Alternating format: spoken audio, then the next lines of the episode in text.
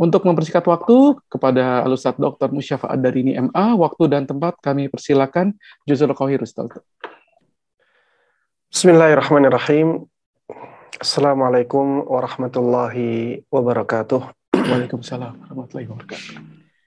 Innal hamdalillah nahmaduhu wa nasta'inuhu wa nastaghfiruh wa na'udzu billahi min shururi anfusina wa min sayyiati a'malina. May yahdihillahu fala mudilla lah wa may yudlil fala hadiya lah. Wa asyhadu an la ilaha illallah wahdahu la syarika lah واشهد ان محمدا عبده ورسوله يا ايها الذين امنوا اتقوا الله حق تقاته ولا تموتن الا وانتم مسلمون اما بعد فان اصدق الحديث كتاب الله sesungguhnya perkataan yang paling benar adalah kitabullah wa khairal huda huda Muhammadin sallallahu alaihi wasallam. Dan sesungguhnya petunjuk yang paling baik adalah petunjuk Nabi kita Muhammad sallallahu alaihi wasallam. Wa syarrul umuri muhdatsatuha. Sesungguhnya perkara yang paling buruk dalam agama adalah perkara yang diada-adakan di dalamnya. Fa inna kulla muhdatsatin bid'ah. Karena sesungguhnya semua yang diada-adakan dalam agama dinamakan bid'ah. Wa kulla bid'atin dalalah. Dan sesungguhnya semua bid'ah itu menyimpang. Semua bid'ah itu sesat wa kulla dalalatin finnar.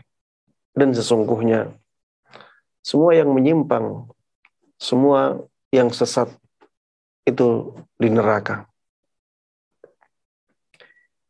Jemaah sekalian kaum muslimin dan kaum muslimat ikhwati wa akhwati fillah a'azzani Allah wa iyyakum. Semoga Allah Subhanahu wa taala memberikan kepada kita semuanya kemuliaan dan kekuatan.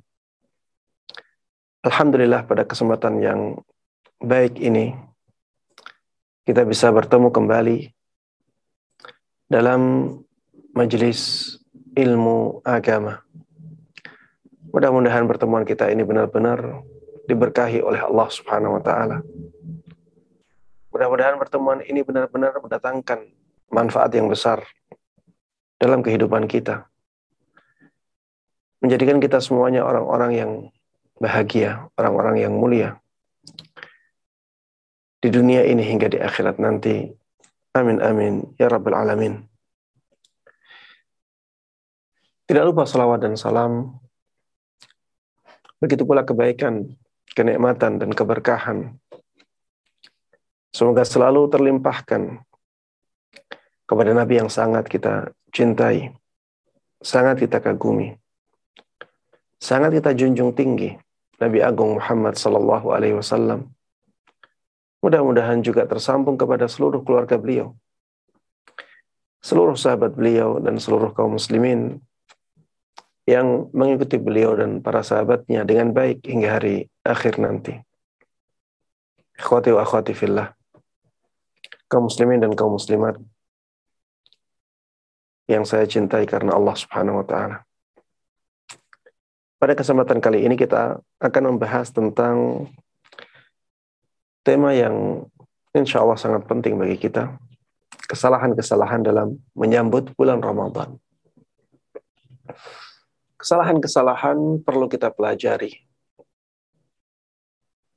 Agar kita tidak terjatuh di dalamnya.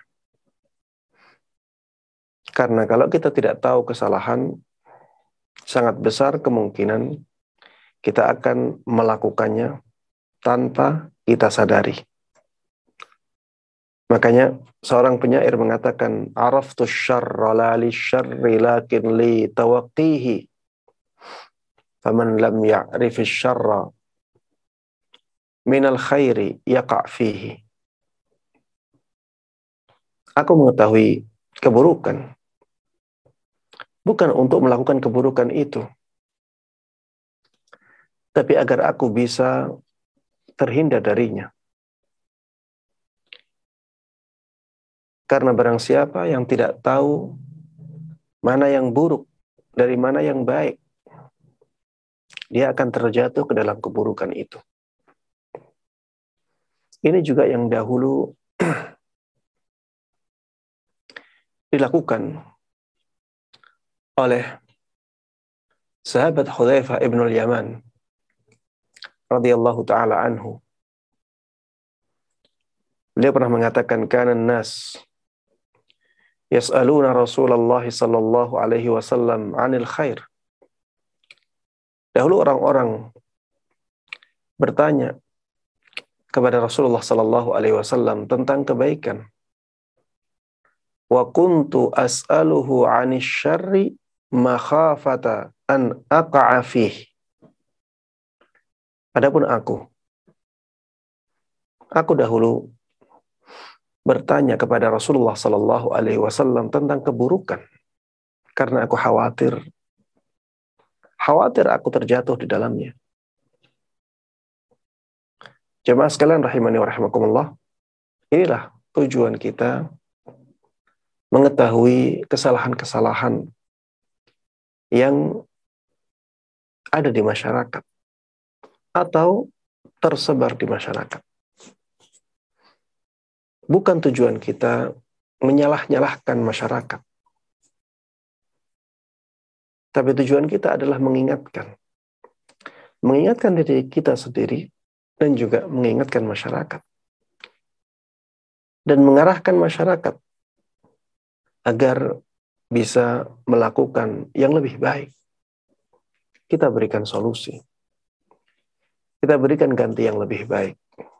Itu yang ingin kita usahakan dalam kajian yang seperti ini. Kemudian maksud dari kesalahan-kesalahan yang ada dalam tema kajian kita ini tidak harus merupakan sesuatu yang diharamkan. Ya. Kesalahan di sini tidak harus sesuatu yang disalahkan, uh, sesuatu yang diharamkan. Bisa jadi itu merupakan sesuatu yang kurang baik. Kalau ditinggalkan, maka lebih baik. Lebih baik cari yang lain. Ini kita masukkan semuanya dalam pembahasan kita kali ini. Jemaah sekalian rahimani wa rahimakumullah. Tema kita tentang kesalahan-kesalahan dalam menyambut bulan Ramadan. Sebagaimana kita tahu, bahwa bulan Ramadan adalah bulan yang sangat dimuliakan oleh Allah Subhanahu wa taala. Ia disebut oleh sahabat Ibnu Mas'ud radhiyallahu taala anhu sebagai sayyidus syuhur. Pimpinannya bulan-bulan. Dikatakan sebagai pimpinan. Tidak lain karena bulan Ramadan adalah bulan yang paling mulia. Dia yang paling di atas dia yang paling tinggi kedudukannya. Itulah mengapa bulan Ramadan disebut sebagai Sayyidus Syuhur. Jemaah sekalian rahimani rahimakumullah sangat banyak sekali keistimewaan yang dimiliki oleh bulan Ramadan. Bulan Ramadan disebut oleh Rasulullah Sallallahu Alaihi Wasallam sebagai bulan keberkahan, bulan yang dipenuhi dengan keberkahan. Ketika dikatakan ini bulan yang dipenuhi dengan keberkahan, maka ini mencakup berkah dalam hal duniawi dan berkah dalam hal ukhrawi. Dan memang kita rasakan keberkahan bulan Ramadan untuk kedua-duanya. Kaum muslimin banyak mendapatkan keberkahan duniawi di bulan Ramadan. Kaum muslimin juga banyak mendapat mendapatkan keberkahan ukhrawi bulan Ramadan. Keberkahan duniawi seperti misalnya melimpahnya makanan di bulan Ramadan. Tidak seperti bulan-bulan yang lainnya. Di bulan Ramadan banyak kaum muslimin yang mendapatkan bantuan material, ya, bantuan duniawi dari saudara-saudaranya. Ini termasuk di antara keberkahan duniawi. Di bulan Ramadan, kaum muslimin banyak yang bisnisnya berkembang. Bisnisnya berjalan dengan baik, bahkan sangat baik. Ini termasuk di antara keberkahan duniawi di bulan Ramadan. Bulan Ramadan juga datang dengan keber keberkahan ukhrawi dan itu yang lebih penting dan lebih besar. Makanya amalan-amalan di bulan Ramadan dilipat gandakan pahalanya oleh Allah Subhanahu wa taala. Semua amalan di bulan Ramadan dilipat gandakan pahala Allah Subhanahu wa taala. Dan puncaknya di malam Lailatul Qadar. Malam yang lebih baik dari seribu bulan. Allah Subhanahu wa taala mengatakan Lailatul Qadri khairun min alfi syahr. Lailatul Qadar itu lebih baik daripada seribu bulan. Allah tidak katakan Allah tidak katakan sama. Tapi Allah katakan lebih baik pada seribu bulan. Padahal kalau kita hitung ya, seribu bulan itu berapa tahun? Keluar jumlah 83 tahun 4 bulan.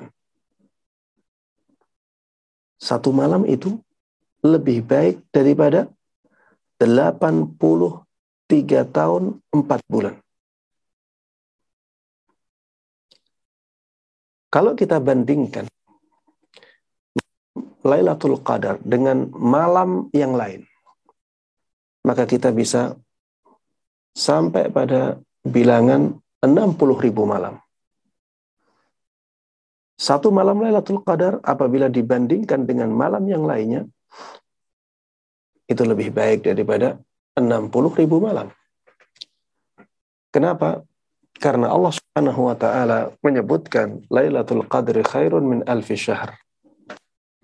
Satu malam Lailatul Qadar itu lebih baik daripada seribu bulan. Padahal padahal seribu bulan itu ada malamnya, ada siangnya. Kalau kita jadikan malam semuanya, maka menjadi dua ribu bulan. Malamnya saja. Satu bulan ada 30 hari.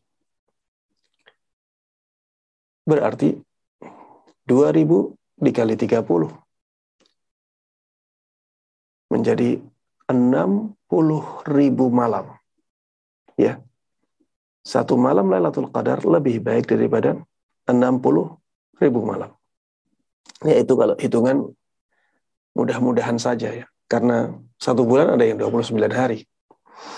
Tapi Allah Subhanahu wa taala menyebutkan lebih baik daripada seribu bulan. Kalaupun kita katakan satu malam Lailatul Qadar lebih baik daripada 60 ribu malam lain, maka tidak ada masalah sama sekali. Jamaah sekalian rahimani rahimakumullah. Bulan Ramadan di antara keistimewaannya menjadi bulan di mana pintu-pintu surga dibuka semuanya oleh Allah. Pintu-pintu neraka ditutup semuanya oleh Allah Subhanahu wa taala. Makanya di bulan Ramadan hati kita terasa tenang. Semangat untuk melakukan kebaikan menjadi lebih besar. Setiap malamnya ada malaikat-malaikat yang memanggil-manggil kaum mukminin Ya baghiyal khairi aqbil wa ya baghiyal syarri aqsir. Wahai orang yang menginginkan kebaikan. Semangatlah untuk melakukan kebaikan. Wahai orang yang menginginkan keburukan, melemahlah. Jangan lakukan keburukan. Setiap malam ada malaikat-malaikat yang memanggil-manggil. Belum lagi di bulan ini, Allah Subhanahu wa taala membelenggu semua syaitan. Ya. Wasuffidatis syayatin kata Nabi kita Muhammad sallallahu alaihi wasallam. Syaitan-syaitan dibelenggu oleh Allah Subhanahu wa taala. Makanya jemaah kita berpuasa di bulan Ramadan sering kali tidak terasa. Dan kita juga menjadi semangat untuk membaca Al-Quran. Kita menjadi semangat untuk sholat. Sholat terawih, ya. Ada yang setiap malam sholat sampai 23 rakaat. Dan merasa ringan. Ini perbedaan yang sangat kontras antara bulan Ramadan dan bulan-bulan yang lainnya. Kemudian kita menjadi semangat untuk bersedekah. Semangat untuk berbuat baik kepada orang lain dan seterusnya. Karena memang di bulan ini setan-setan dibelenggu sehingga pengaruh mereka menjadi sangat lemah. Walaupun masih ada keburukan-keburukan. Karena memang setannya dibelenggu bukan dipenjara. Bukan setannya dimatikan. Setannya dibelenggu. Sehingga wajar apabila masih ada keburukan. Apalagi di sana ada hawa nafsu yang melekat terus pada diri manusia. Di sana juga ada manusia yang sudah menjadi setan dari awal. Manusia-manusia yang jiwanya buruk. Setan dari jenis manusia. Sehingga wajar kalau masih ada keburukan. Tapi jelas ya prosentasinya menjadi sangat berkurang. Di bulan Ramadan juga yang ampunan dibuka lebar oleh Allah Subhanahu wa taala. Di bulan Ramadan Al-Qur'an diturunkan. Jibril di zaman Nabi Muhammad wasallam setiap malam turun untuk bertemu dengan Rasulullah wasallam untuk mudarasah dengan Al-Qur'an. Kemudian di bulan Ramadan ini ya kita mendapatkan kesempatan untuk dimerdekakan dari siksa neraka. Dan itu terjadi di setiap malam. Dikatakan oleh Nabi kita Muhammad sallallahu alaihi wasallam, "Walillahi utaqa'u minan nar." Wadzalika fi kulli lailah. Dan Allah Subhanahu wa taala punya hamba-hamba yang dibebaskan dari siksa neraka dan itu terjadi setiap malam. Iya, inilah bulan Ramadan yang sangat istimewa. Saya belum menyebutkan semua keistimewaannya. Tapi yang sudah saya sebutkan menunjukkan betapa luar biasanya kemuliaan bulan Ramadan ini. Maka menjadi sangat wajar ketika kita harus menyambut bulan Ramadan ini dengan sambutan yang hangat. Tapi sambutan tersebut sambutan yang sesuai dengan tuntunan Nabi kita Muhammad sallallahu alaihi wasallam. Sebagai seorang mukmin yang mengetahui keistimewaan-keistimewaan bulan Ramadan, harusnya kita menyambut bulan Ramadan ini dengan senang hati dan gembira sebagaimana dahulu Nabi kita Muhammad sallallahu alaihi wasallam dan para sahabatnya melakukannya. Sahabat Abu Hurairah radhiyallahu taala anhu pernah mengatakan Qala Rasulullah sallallahu alaihi wasallam yubashiru ashabahu Rasulullah sallallahu alaihi wasallam dahulu pernah mengatakan ketika beliau sedang memberikan kabar gembira kepada para sahabatnya apa yang beliau katakan? Qad ja'akum Ramadan.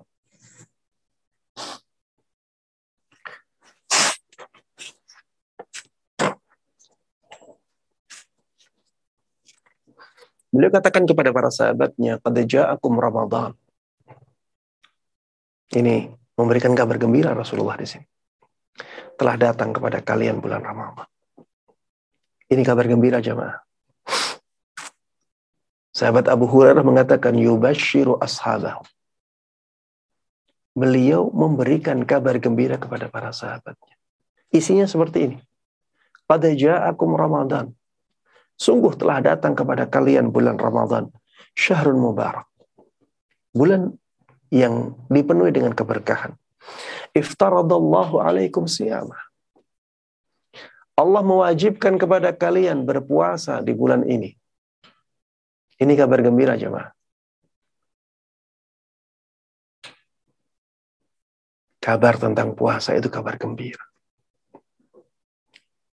Maka jangan sampai ketika kita mendengar kewajiban puasa, hati kita menjadi tidak senang. Sebaliknya, ketika kita dikasih kabar bahwa di bulan Ramadan kita diwajibkan untuk berpuasa, harusnya kita menyambutnya dengan senang hati karena ini ini adalah kabar gembira yang dibawakan oleh Nabi kita Muhammad sallallahu alaihi wasallam. Tuftahu fihi abwabul jannah. Di bulan Ramadan pintu-pintu surga dibuka oleh Allah Subhanahu wa taala. Wa tughlaqu fihi abwabul jahim. Dan pintu-pintu neraka di bulan Ramadan ditutup oleh Allah Subhanahu wa taala. Wa tughallu fihi syayatin.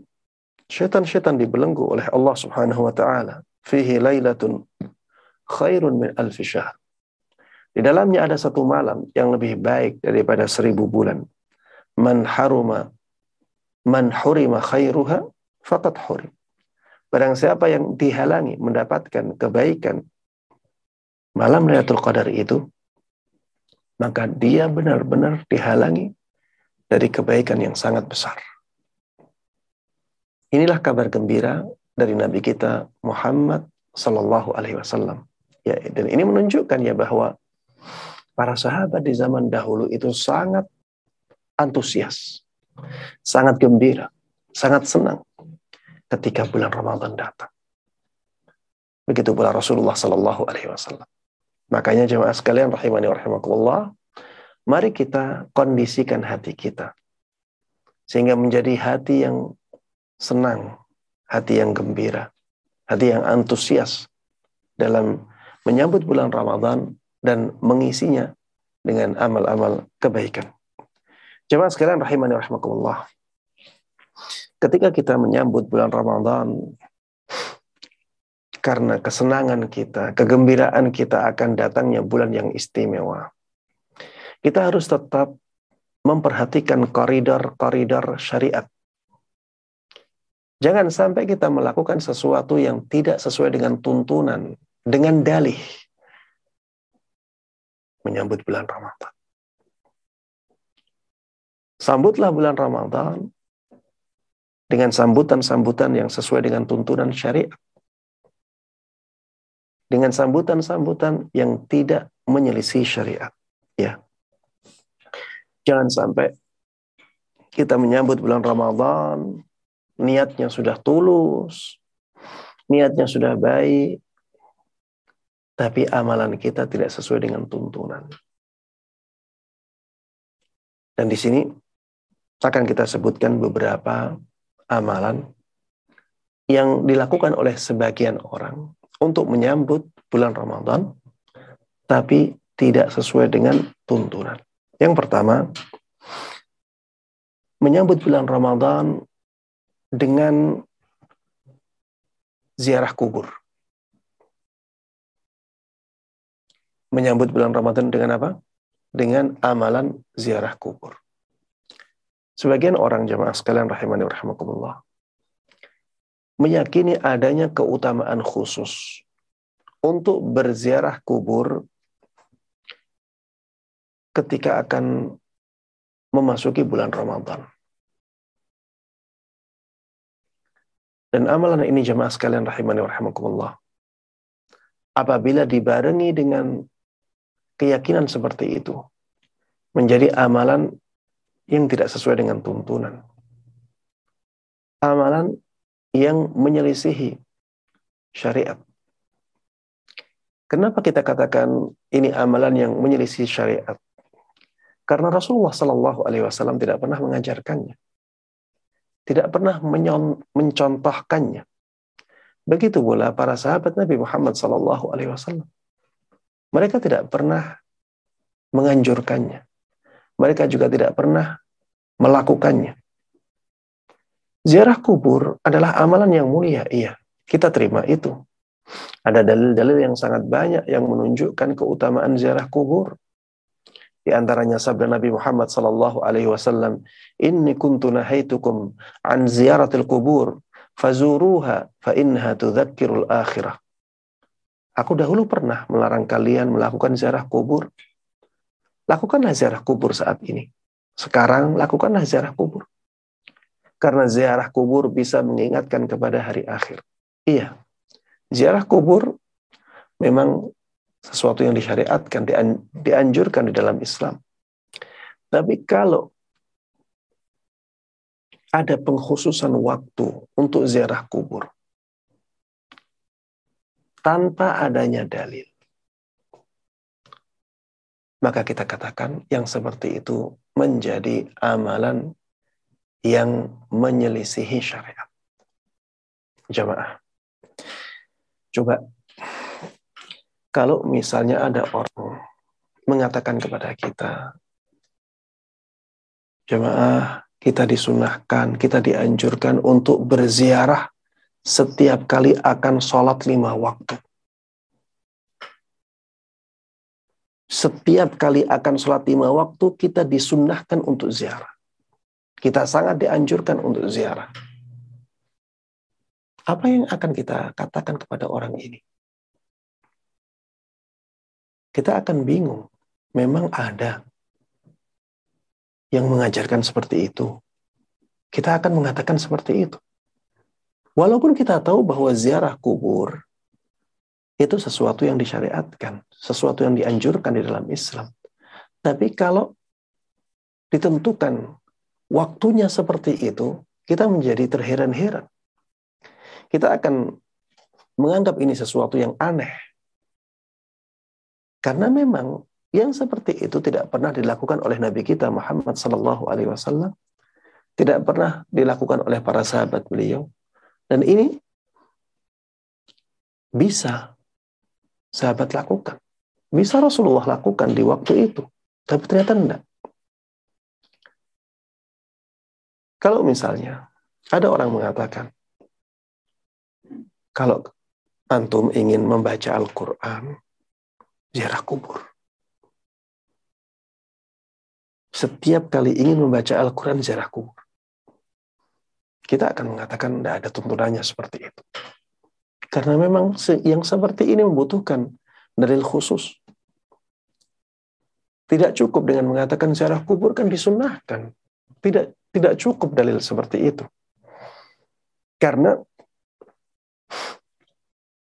pada penentuan waktu tertentu untuk ibadah tertentu ini harus ada dalil khususnya. Karena berhubungan dengan keyakinan. Keyakinan bahwa sebelum memasuki bulan Ramadan, kita dianjurkan ziarah kubur. Keyakinan seperti ini adalah keyakinan yang berkaitan dengan hal yang gaib. Anjuran. Dan anjuran berarti ada pahala yang lebih dari biasanya.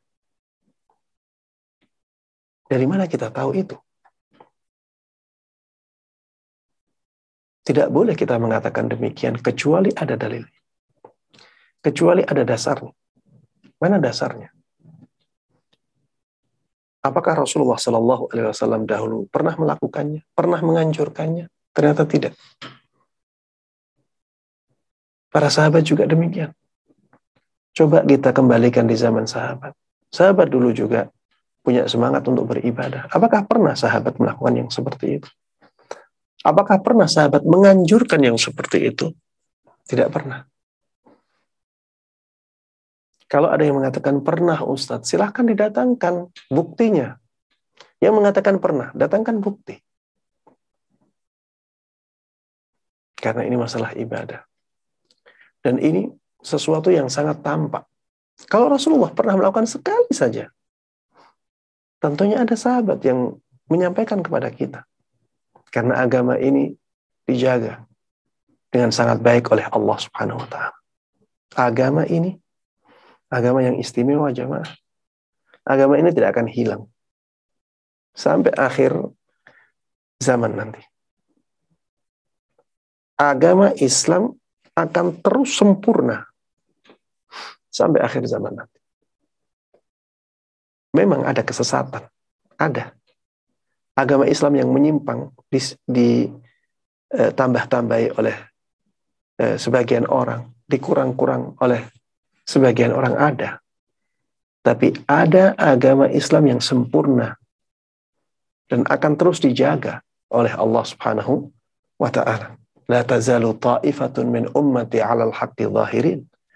Kata Nabi kita Muhammad sallallahu alaihi wasallam akan terus ada kelompok-kelompok dari umatku yang selalu berada di atas kebenaran. Ya, itulah agama Islam.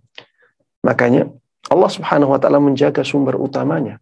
Inna nahnu nazzalna dzikra wa inna lahu lahafizun. Sungguh kamilah yang telah menurunkan Al-Qur'an yang berfungsi sebagai pengingat. Dan sungguh kami benar-benar yang akan menjaganya. Al-Quran kenapa dijaga? Karena Islam harus terjaga. Makanya hadis Nabi Muhammad Sallallahu Alaihi Wasallam dijaga oleh Allah Subhanahu Wa Taala. Makanya ada sanad dan sanad merupakan keistimewaan umat ini. Tidak ada ilmu sanad di umat-umat sebelumnya. Kenapa ada ilmu sanad? Untuk menjaga hadis Nabi Muhammad Sallallahu Alaihi Wasallam yang menjadi sumber utama agama Islam. Jamaah sekalian rahimani wa rahmatullah. Iya, jangan sampai kita mengkhususkan ziarah kubur untuk menyambut bulan Ramadan. Karena itu amalan yang menyelisih tuntunan. Kalau ingin berziarah, silahkan berziarah. Tapi jangan khususkan waktunya. Sebelum bulan Ramadan atau untuk menyambut bulan Ramadan. Silahkan berziarah, kita disunahkan untuk memperbanyak ziarah kapan pun waktunya. Tapi dikatakan ini untuk menyambut bulan Ramadan, atau asalnya tidak pernah ziarah, kemudian karena akan masuk bulan Ramadan, berusaha untuk ziarah apa pun keadaannya, ya tentunya yang seperti ini tidak sesuai dengan tuntunan. Baik. Yang kedua, berpuasa sehari atau dua hari sebagai bentuk kehati-hatian. Atau mungkin ada orang yang meniatkannya untuk menyambut bulan Ramadan. Agar ketika masuk bulan Ramadan, sudah terbiasa puasa. Ini sepertinya baik ya. Untuk kehati-hatian. Karena apa?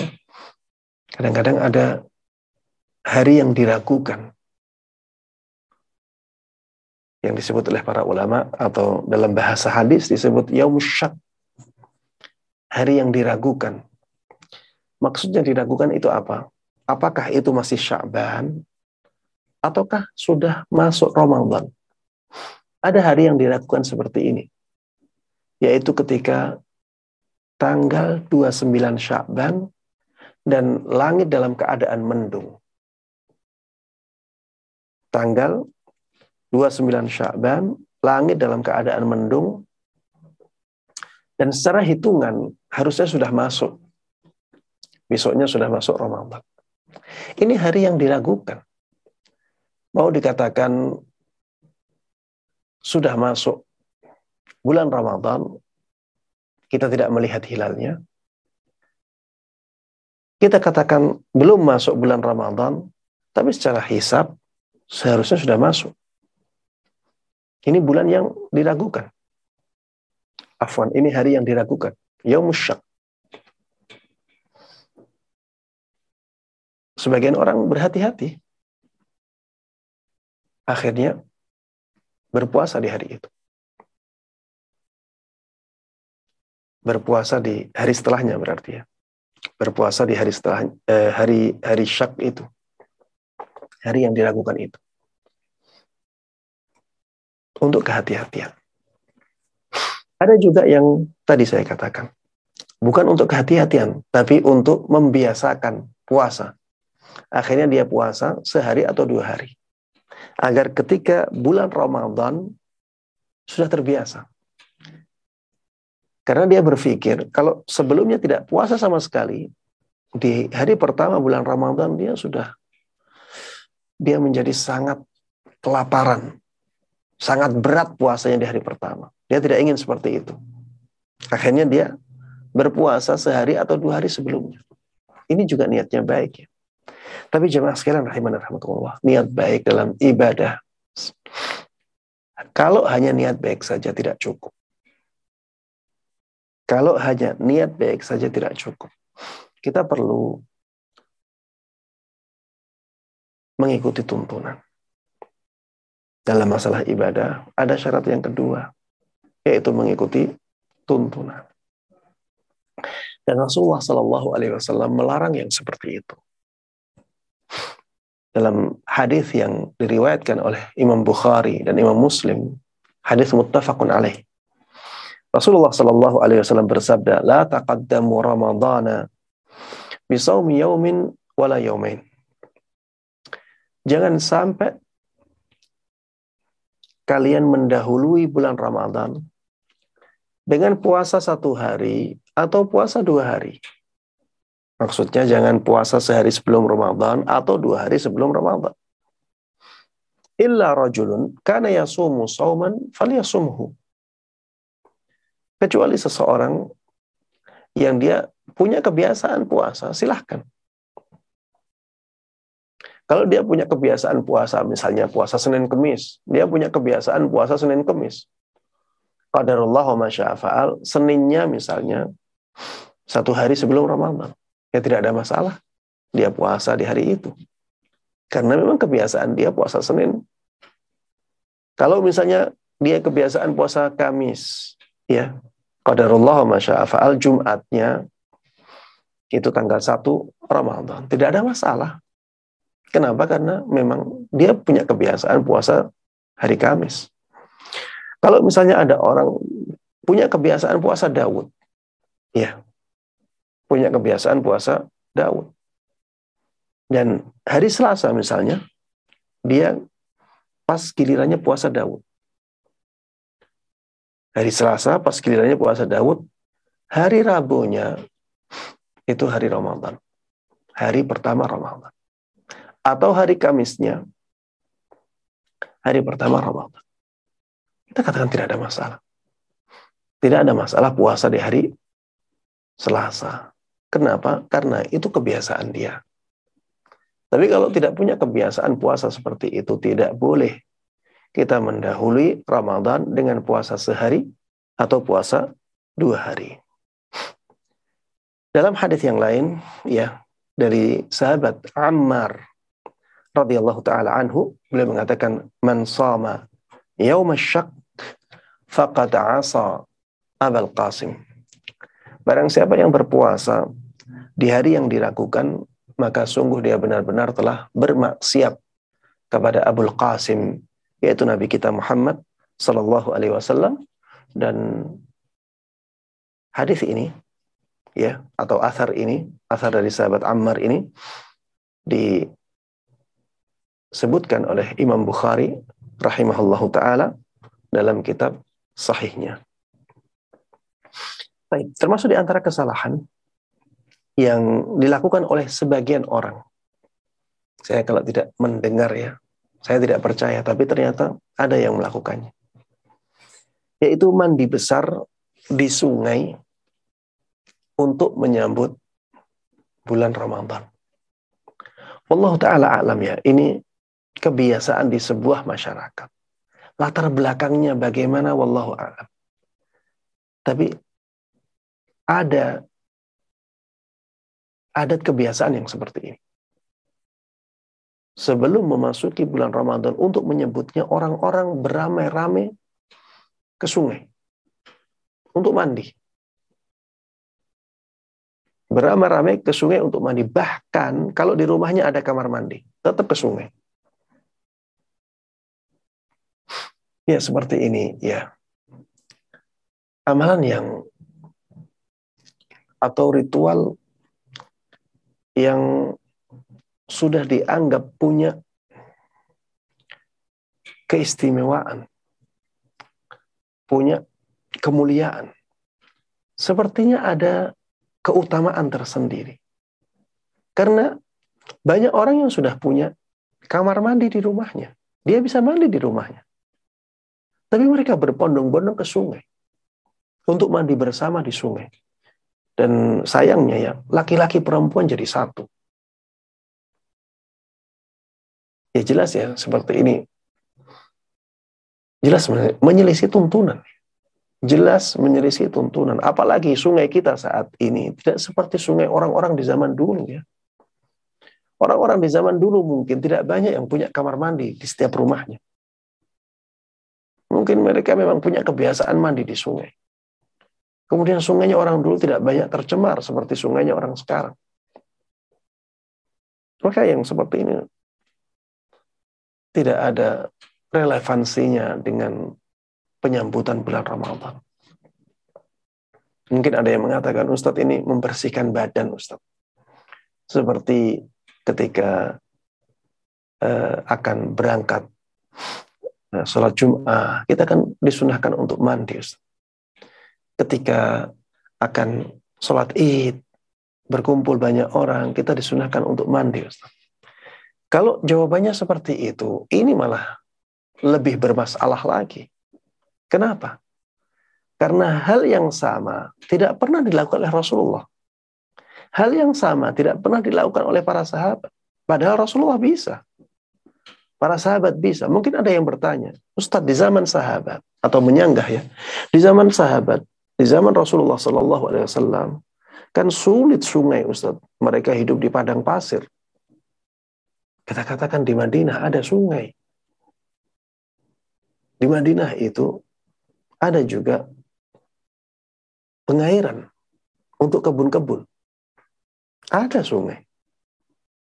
Tapi tidak pernah ada penjelasan bahwa para sahabat berpondong-pondong ke sungai untuk mandi yang tujuannya adalah untuk menyambut bulan Ramadan.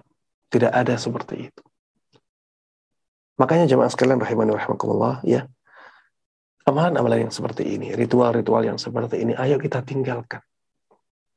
Ayo kita tinggalkan. Kalau ingin mandi, ya mandi di rumah saja. Dan tidak perlu ada keyakinan-keyakinan seperti itu. Ya silahkan membersihkan badan ketika akan pergi ke masjid memang seperti itu tidak ada masalah. Bahkan masuk dalam keumuman, ya bani Adam khudu zinatakum inda kulli masjid. Wahai anak Adam, ambillah perhiasan-perhiasan kalian di setiap masjid. Di setiap kalian ingin ke masjid. Perhiasan. Kalau ke masjid, kita berusaha untuk berpenampilan indah. Ini bagi para jamaah laki-laki ya, karena perintah untuk ke masjid itu untuk jamaah laki-laki. Termasuk di antara keindahan seseorang ketika ke masjid ya mandi dulu.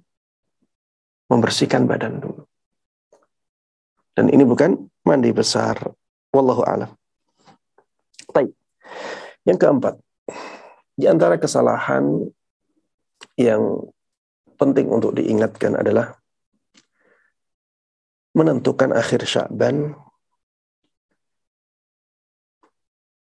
dan awal Ramadan dengan metode hisab dan menjadikannya sebagai patokan. Kalau hanya sebagai perbandingan saja, maka tidak ada masalah. Kalau hanya sebagai rujukan sampingan, tidak ada masalah. Tapi kalau dijadikan sebagai rujukan inti, bahkan kalaupun terlihat hilal,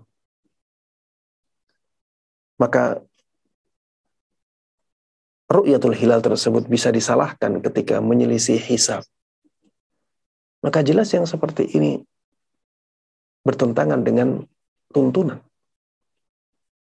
Bertentangan dengan apa yang dituntunkan oleh Nabi kita Muhammad sallallahu alaihi wasallam. Rasulullah sallallahu alaihi wasallam ingin agar kita melihat hilal secara langsung. Dan ini untuk keringanan kita ya. Ini untuk meringankan kita. Rasulullah Shallallahu Alaihi Wasallam dalam banyak hadisnya mengatakan tentang masalah ini. Di antaranya hadis yang muttafaqun alaih diriwayatkan oleh Imam Bukhari dan Imam Muslim. Asyhru tis'un wa ishruna layla. Bulan itu jumlahnya 29 hari, itu standarnya. Bulan itu jumlahnya 29 hari. Ini standar bulan Qamariyah. Fala tasumu hatta tarauh. Maka jangan sampai kalian berpuasa Ramadan sampai kalian melihat ada hilal. Fa in ghumma alaikum fa akmilul iddata. Kalau pandangan kalian terhalangi, kalian tidak bisa melihat hilal karena terhalangi maka sempurnakan bilangan bulan menjadi 30 hari. Akmilul iddah thalathin. Kata Rasulullah sallallahu alaihi wasallam demikian. Rasulullah tidak katakan, ayo kembali ke hitungan. Hisapnya bagaimana? Tidak seperti itu. Sangat sederhana. Kalau pandangan kita terhalangi, terhalangi oleh mendung, terhalangi oleh debu, terhalangi oleh kabut,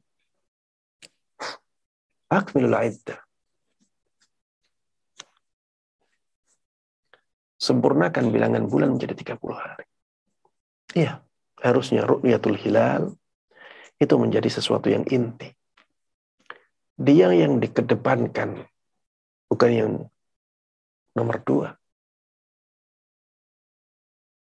Kalau kita menomor duakan sesuatu yang dinomor satukan oleh Rasulullah Sallallahu Alaihi Wasallam, maka tentunya ini menyelisih tuntunan.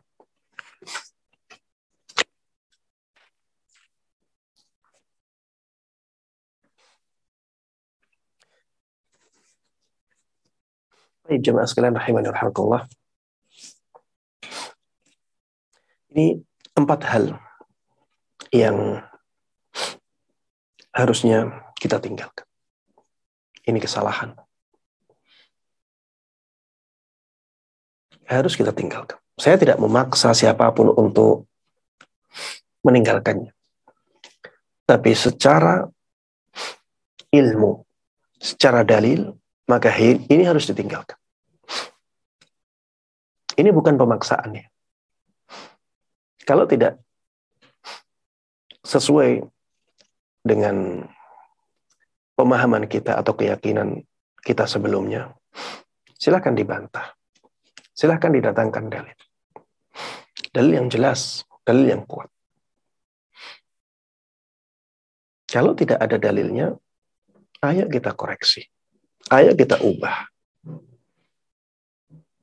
Dan kita tinggalkan hal ini.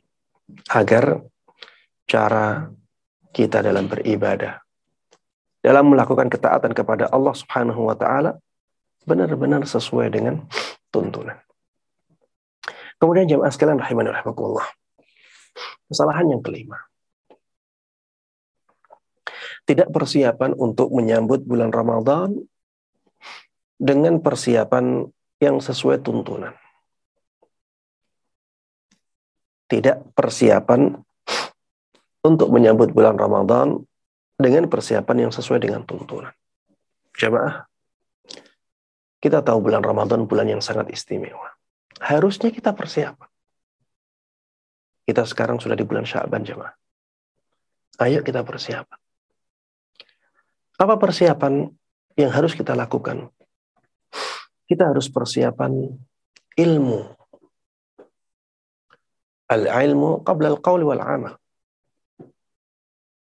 Sebelum kita mengatakan sesuatu, sebelum kita mengamalkan sesuatu, kita harus punya ilmunya dahulu.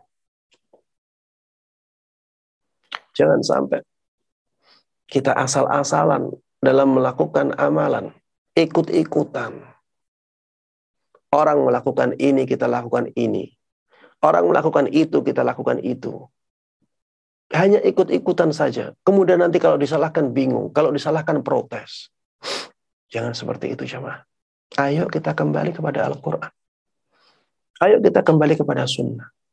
Ayo kita kembali kepada praktek para sahabat dalam menjalankan agama ini. Agar kita benar-benar beribadah dan taat sesuai dengan yang diinginkan oleh Allah Subhanahu wa taala. Puasa kita pelajari dengan baik. Bukankah kita nanti ingin puasa kita benar-benar berkualitas? Kalau nantinya kita menghadap kepada Allah, kita bisa benar-benar bangga dengan amalan kita. Ya Allah, saya sudah belajar. Engkau telah jelaskan ini di dalam Al-Quran. Engkau telah jelaskan ini dalam sunnah Rasulullah Sallallahu Alaihi Wasallam. Ini amalan saya. Saya sudah berusaha untuk menyesuaikannya dengan tuntunan yang engkau sampaikan kepada kami sebagai seorang hamba sahaya. Iya, seperti itu harusnya. Sebelum berpuasa, ayo kita ilmui puasa kita. Bagaimana puasa yang sesuai dengan tuntunan. Bagaimana dahulu Rasulullah Sallallahu Alaihi Wasallam berpuasa. Bagaimana para sahabat dahulu berpuasa. Ayo kita berpuasa seperti puasanya mereka. Jangan santai-santai dalam menghadapi atau dalam bersiap-siap untuk menyambut bulan Ramadan. Alhamdulillah di zaman kita banyak video-video yang berbobot yang menjelaskan tentang puasa Nabi Muhammad Sallallahu Alaihi Wasallam. Banyak tulisan-tulisan yang bagus juga di zaman ini. Dan semuanya gratis ya. Tinggal kita mau atau tidak. Sampai ke ilmu itu. Sudah banyak ustadz-ustadz yang meluangkan waktunya untuk mendekatkan ilmu syariat kepada kita. Baik, persiapan di antaranya adalah persiapan doa. Banyaklah berdoa. Agar Allah subhanahu wa ta'ala menyampaikan kita ke bulan Ramadan. Menyampaikan Ramadan ke kita dan memberikan taufiknya kepada kita untuk bisa mengisi bulan Ramadan itu dengan amal-amal kebaikan. Mudah-mudahan Allah benar-benar mengabulkan doa itu. Sehingga kita benar-benar bisa mendapatkan keberkahan yang luar biasa dari bulan yang penuh dengan keberkahan ini. Kemudian jamaah sekalian rahimani rahimakumullah. Yang penting juga banyak istighfar dan bertaubat kepada Allah untuk bersiap-siap menyambut bulan Ramadan. Karena kalau kita yang penuh dengan dosa ini tidak banyak beristighfar, tidak banyak taubat kepada Allah Subhanahu wa taala. Hati kita jemaah akan sakit. Dan hati yang sakit akan malas untuk melakukan ketaatan. Dan kalau datang bulan Ramadan, kita malas melakukan ketaatan, siapa yang rugi? Kita sendiri yang rugi. Di dunia tidak akan lama. Tiba-tiba nanti waktu sudah dekat dengan ajal. Kita akan merasakan tiba-tiba ada malaikat di depan kita yang ingin mencabut nyawa kita. Dunia tidak akan lama. Makanya jamaah sekalian rahimani rahimakumullah, banyak istighfar, banyak bertobat kepada Allah sehingga hati ini bersih sebelum bulan Ramadan datang. Ketika hati bersih, paling tidak ya, hati tersebut tidak banyak dosanya. Maka dia menjadi hati yang sehat. Kalau hati ini sehat, dia akan semangat melakukan ketaatan. Dan bulan Ramadan bulan yang sangat sangat berkah untuk kita gunakan dalam melakukan ketaatan kepada Allah Subhanahu wa taala. Jemaah sekalian rahimani rahimakumullah. Di antara persiapan yang harusnya kita lakukan saat ini adalah mengetahui amalan-amalan apa yang istimewa di bulan Ramadan. Agar kita bisa mentarget amalan-amalan tersebut dan fokus. Jadi kita masuk di bulan Ramadan, jalannya sudah jelas. Apa saja yang menjadi targetku dalam bulan Ramadan ini? Di antara amalan yang istimewa, sholat malam. Di bulan Ramadan, jangan sampai ada yang bolong. Bolehlah kita sesekali tidak sholat ke masjid karena ada eh, kesibukan yang mendesak. Tapi jangan sampai tidak sholat malam. Kita bisa sholat malam di rumah. Ya. Man, man qama Ramadan imanan wa ihtisaba, ghufira lahu ma taqaddama min dhanbi. Barang siapa yang sholat malam di bulan Ramadan, karena dorongan keimanan dan dorongan mendapatkan pahala dari Allah Subhanahu wa taala, semua dosa-dosanya yang telah lalu diampuni oleh Allah. Luar biasa. Tapi qama Ramadan. Sholat malam di bulan Ramadan. Berarti harus sholat malam dari awal sampai akhir. Makanya jadikan fokus kita di bulan Ramadan untuk sholat malam. Jangan sampai ada yang bolong. Amalan yang istimewa yang lainnya, membaca Al-Quran. Jibril. Siapa Jibril? Malaikat yang paling mulia. Sampai ditugaskan oleh Allah untuk menemui Nabi Muhammad setiap malam bulan Ramadan. Untuk bermudarasa Al-Quran, bukan untuk yang lainnya. Ini menunjukkan betapa istimewanya bulan Ramadan, karena di bulan inilah Al-Quran diturunkan ke langit dunia Sebagian ulama menyebut tempatnya Baitul Izzah. Turunkan Al-Quran ke Baitul Izzah di malam Lailatul Qadar. Dan itu tempat itu hanya ada di bulan Ramadan. Baik. Jemaah sekalian rahimahullah, termasuk di antara amalan yang istimewa di bulan Ramadan adalah amalan sedekah. Sedekah banyak bersedekah di bulan Ramadan jemaah. Terutama di malam hari. Terutama di 10 malam terakhir. Terutama di 10 malam terakhir. Ada satu status yang sangat bermanfaat. Kalau saja, kata dia, kalau saja setiap malam di 10 malam terakhir, kita bersedekah 100 ribu tentunya ada sedekah 100 ribu kita yang ngepasi malam Lailatul Qadar. Kata dia, kalau ngepasi malam Lailatul Qadar kita bersedekah 100 ribu, itu seperti kita setiap malam bersedekah 100 ribu selama 83 tahun 4 bulan. Anda bisa bayangkan. Kalau sedekah kita 100 ribu itu ngepasi malam Lailatul Qadar, kita seakan kita sama atau bahkan lebih baik daripada orang yang sedekah 100 ribu setiap malam selama 83 tahun 4 bulan. Ini luar biasa jemaah. Itu kalau 100 ribu. Bagaimana kalau 1 juta setiap malam di 10 malam terakhir tapi hati-hati, jangan disuarakan ke orang lain. Khawatir nanti kita bersedekah malah ria. Tapi kalau kita bisa bersedekah, bisa ikhlas jamaah. Coba antum bayangkan. Siapa yang bisa sedekah setiap malam misalnya satu juta, dan selama 83 tahun 4 bulan. Jemaah sekalian rahimani wa rahimakumullah. Ini untuk sedekah saja. Belum membaca Al-Quran. Belum sholat malam. Belum zikir. Belum bersolawat. Dan seterusnya. Intinya jemaah sekalian rahimani rahimakumullah. Coba fokus untuk melakukan amalan-amalan yang sangat diistimewakan oleh Allah Subhanahu wa taala di di bulan Ramadan dan itu akan menjadikan kita benar-benar bisa mendapatkan keberkahan yang luar biasa di bulan Ramadan nanti. Tapi jemaah sekalian rahiman ada juga kesalahan-kesalahan yang bisa saja kesalahan ini tidak sampai pada derajat yang haram ya. Bisa saja sampai derajat yang haram. Saya sebutkan saja eh, secara ringkas ya.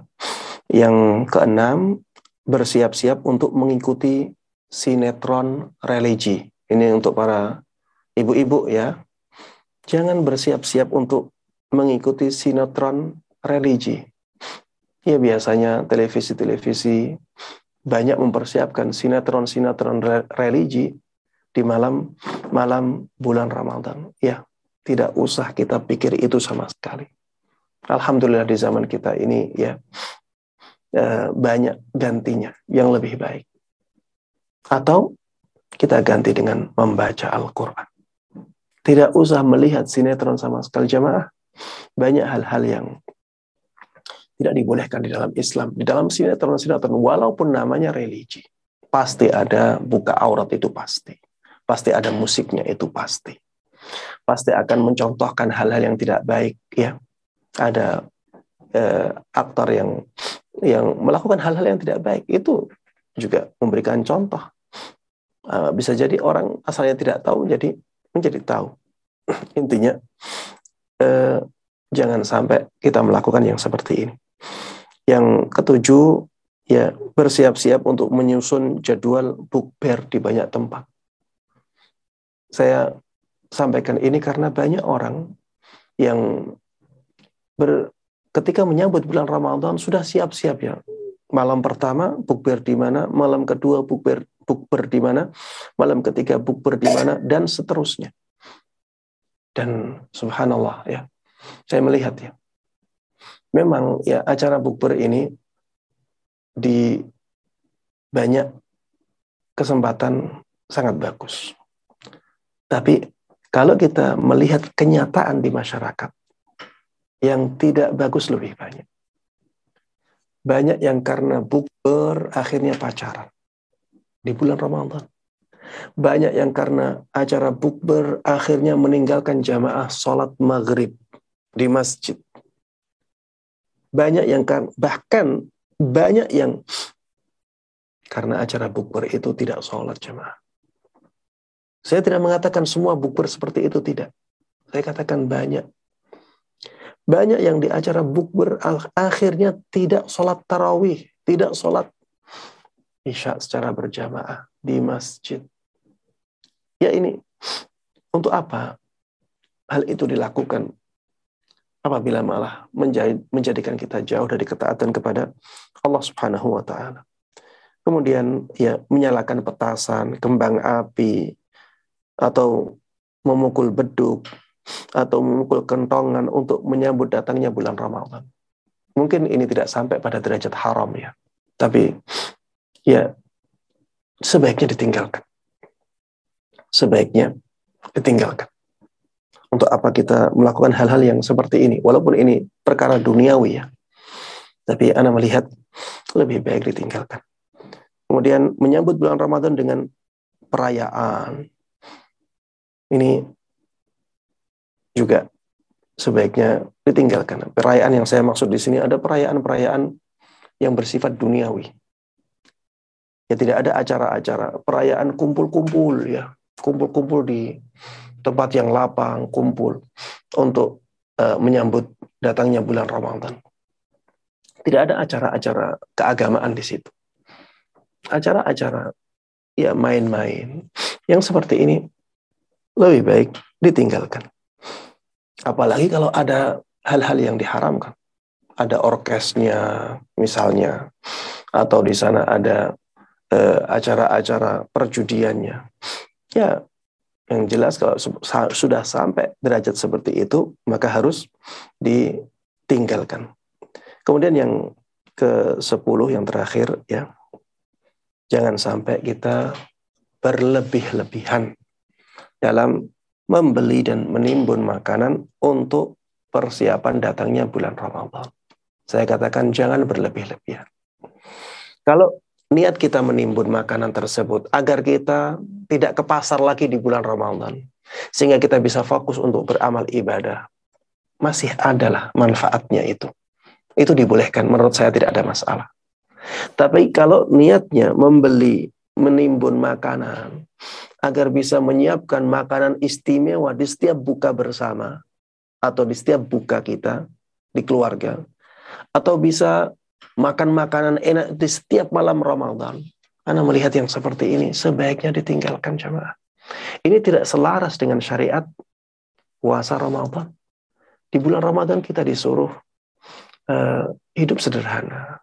Ya, kita disuruh hidup seperti orang miskin, merasakan laparnya orang miskin. Sebagian orang jamaah, ya, seakan-akan bulan Ramadan itu bukan bulan makan dan minum. Sebagian orang keadaannya seperti itu. Bulan Ramadan itu bulan makan dan minum enak. Sampai banyak dari di antara mereka datang bulan Ramadan berat badannya malah naik. Bukan turun. Berat badannya malah naik karena makanya kan malam hari. Setiap malam makanya enak-enak. Setelah itu tidur. Ya wajar kalau berat badannya menjadi semakin besar. Jangan seperti itu jamaah ya. Saya tidak katakan itu haram ya. Tapi yang seperti itu tidak selaras dengan syariat puasa. Syariat puasa mengajarkan kita untuk mawas diri, untuk hidup bersahaja, untuk bisa uh, hidup seperti hidupnya orang-orang miskin. Untuk ingat bahwa kita itu hamba Allah. Untuk ingat bahwa di sana ada orang-orang yang miskin yang membutuhkan uluran tangan kita. Ya, sehingga tinggalkan kehidupan-kehidupan yang terlalu mewah di malam bulan Ramadan, sederhanakan makanan kita dan itu lebih afdal. Demikian jemaah sekalian rahimani rahimakumullah yang bisa saya sampaikan. Dalam kesempatan kali ini mudah-mudahan bermanfaat dan diberkahi oleh Allah Subhanahu wa taala. Uh, Mohon maaf, saya hanya bisa memberikan waktu lima menit untuk pertanyaan. Barakallahu fikum. Uh, Jazakallah khair Ustaz, Masya Allah materinya sangat lengkap dan sangat informatif. Selanjutnya sesi tanya jawab dipersilakan kepada peserta untuk bertanya bisa melalui virtual atau kolom chat. Uh, sudah ada beberapa pertanyaan dari kolom chat. Yang pertama dari Umu Muhammad. Uh, Assalamualaikum. Semoga Ustadz dan kita semua dirahmati oleh Allah. Afan Ustadz, izin bertanya. Uh, yang pertama, apa maksud dari bulan Ramadan ini dibebaskan dari api neraka? Apa bagi yang sudah meninggal terlebih dahulu atau bagi kita yang masih hidup? Terus yang kedua, bagaimana ziarah kubur di hari Lebaran, Ustadz? Dengan hanya mendoakan saja tanpa ada bacaan Quran atau tabur bunga. Apakah hal itu termasuk mengkhususkan juga Jazakallah khairan. Ya ini mohon maaf ya pertanyaan yang terakhir ya, yang pertama dan yang terakhir. Tentang tadi pertanyaan yang pertama bahwa Allah Subhanahu wa taala punya hamba-hamba yang dibebaskan dari neraka. Ya, itu hamba-hamba Allah yang menjalankan ketaatan di bulan Ramadan. Jadi mereka masih hidup ya. Jadi Allah membebaskan hamba-hambanya dari siksa neraka. Tapi kita tidak tahu jemaah. Kita tidak tahu apakah itu kita ataukah orang lain. Kita tidak tahu. Tapi yang jelas Rasulullah Shallallahu Alaihi Wasallam memberikan kabar itu bahwa orang-orang yang melakukan ketaatan kepada Allah Subhanahu Wa Taala di setiap malam bulan Ramadan ada di antara mereka yang dijamin bebas dari neraka. Ini untuk memberikan semangat kepada kita. Ayo kita setiap malam bulan Ramadan semangat melakukan ketaatan kepada Allah. Dengan harapan kita menjadi orang yang dibebaskan dari siksa neraka. Ya berarti kalau dibebaskan, Ustaz dia masih hidup, Ustaz. Bisa jadi nanti bermaksiat lagi. Kita katakan, iya kalau Allah sudah memberikan kebebasan siksa neraka kepada seseorang, maka Allah Subhanahu wa taala akan memberikan taufik kepada kita, eh, kepada dia. Hidupnya akan baik dan dia akan pantas untuk masuk ke surga Allah Subhanahu wa taala. Ya, tapi kita tidak tahu ya. tidak bisa memastikan apakah orang tertentu telah mendapatkan jaminan kebebasan dari neraka itu ataukah uh, tidak. Ini tidak bisa kita pastikan. Tapi yang jelas ada penjelasan seperti itu dan penjelasan itu bertujuan untuk memberikan semangat kepada kita untuk terus mengisi malam-malam uh, Ramadan dengan amal-amal ketaatan kepadanya. Kemudian pertanyaan yang tadi, yang terakhir, tentang mengkhususkan ziarah sebelum hari raya Idul Fitri. Ini juga termasuk di antara sesuatu yang tidak sesuai dengan tuntunan. Ini termasuk di antara sesuatu yang tidak sesuai dengan tuntunan. Tidak usah mengkhususkan ziarah di hari raya Idul Fitri. Ziarah saja tidak ada masalah, ziarah di bulan Ramadan tidak ada masalah. Tapi tidak usah mengkhususkan waktu. Tidak usah mengkhususkan waktu. Uh, Ustadz, mengkhususkan waktu itu bagaimana? Kan setiap kita ziarah pasti ada waktu yang kita gunakan untuk ziarah. Iya. Setiap ziarah pasti ada waktu yang kita gunakan untuk ziarah. Iya, benar itu. Tapi beda antara mengkhususkan dengan tidak mengkhususkan. Bedanya bagaimana? Kalau kita khususkan, ya kita akan memandang waktu itu lebih utama daripada waktu lain. Ini yang pertama. Yang kedua, kita ingin di waktu itu saja. Kalau digeser waktunya nggak mau. Itu namanya mengkhususkan. Digeser misalnya, tiga, tiga hari lagi saja. Atau digeser tiga hari sebelum uh, hari raya. Tidak mau. Oh, berarti itu mengkhususkan.